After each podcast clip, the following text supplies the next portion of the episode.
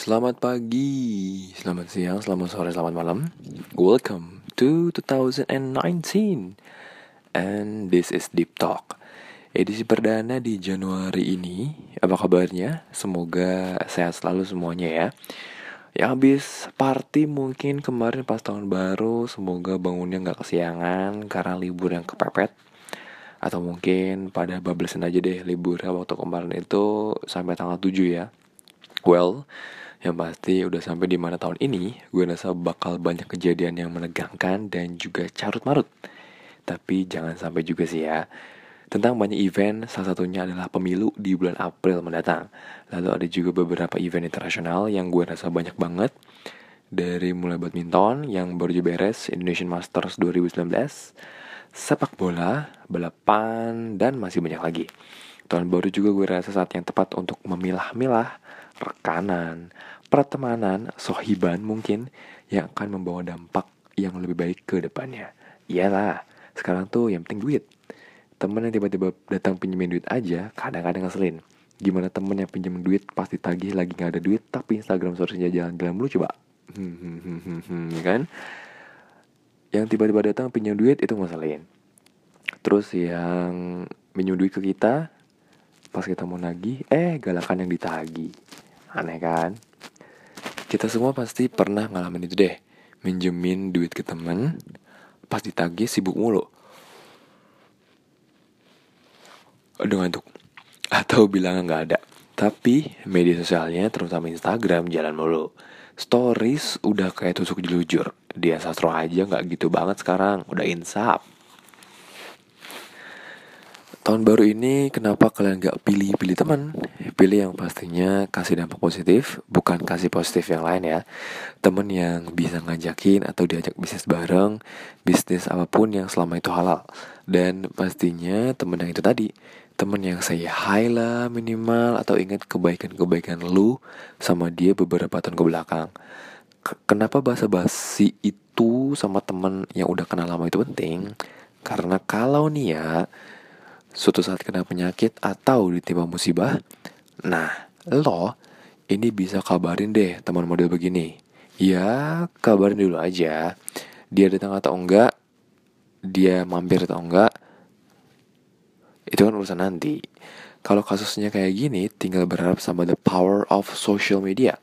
Dan pada akhirnya, intinya teman kita ada yang ada yang akan itu-itu aja dan kenalan kita akan bertambah luas dan banyak. Itu kalau gue pengen seperti itu.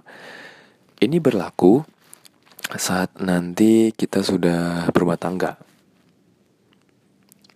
Susah ketemu teman SMA, SMP, mungkin SD. Kalau kuliah sih ya boro-boro ya, sekelas aja bisa hitung jari.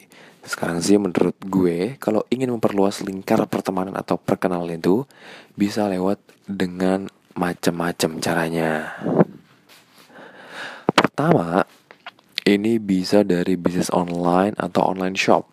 Di situ pelan-pelan katakanlah kita mengendorse seseorang dan minta tolong untuk posting di media sosial lalu kasih testimoni. Gak usah artis atau selebgram yang tarifnya jutaan atau miliaran deh. Cukup temen lo dulu aja dan kalau bisa reviewnya jujur. Kalau enak silahkan japri. Kalau beneran enak ya udah semangat deh ngendorse-nya.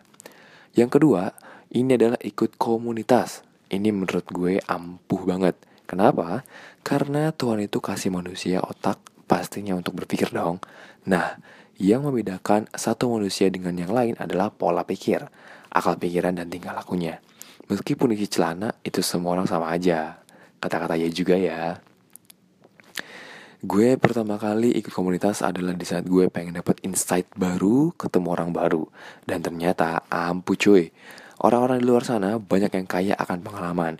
Mereka bangga bisa oh gue pernah volunteer acara ini ini terlepas bener atau enggak ya at least yang pasti mereka pernah merasakan pengalaman itu ada yang jatuh bangun cari beasiswa ada yang jatuh bangun bikin usaha dan masih banyak lagi yang ketiga ini adalah main media sosial Like I said in the beginning atau di pertama gue bikin podcast adalah kalau main media sosial follow yang bagus, yang cantik, yang lucu, yang bisa jadi bahan inspirasi. Tapi jangan terlena.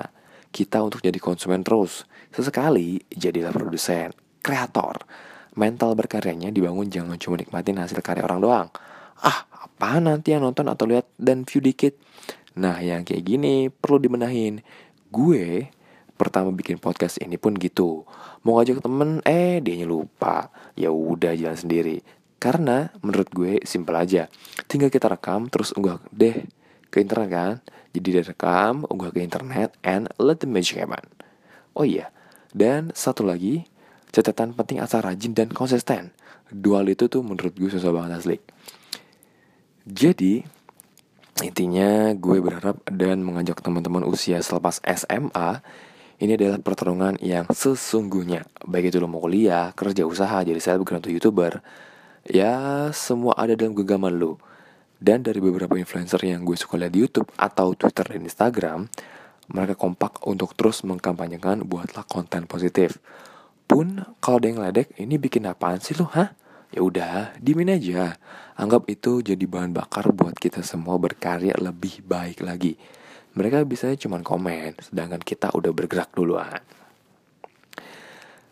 Sampai sini dulu di talk kali ini Buat yang pengen nitip materi atau tema apalagi yang mungkin bisa gue angkat Langsung aja ke Twitter at febiandrian underscore atau email fafandrian at gmail.com See you at the next episode of Deep Talk.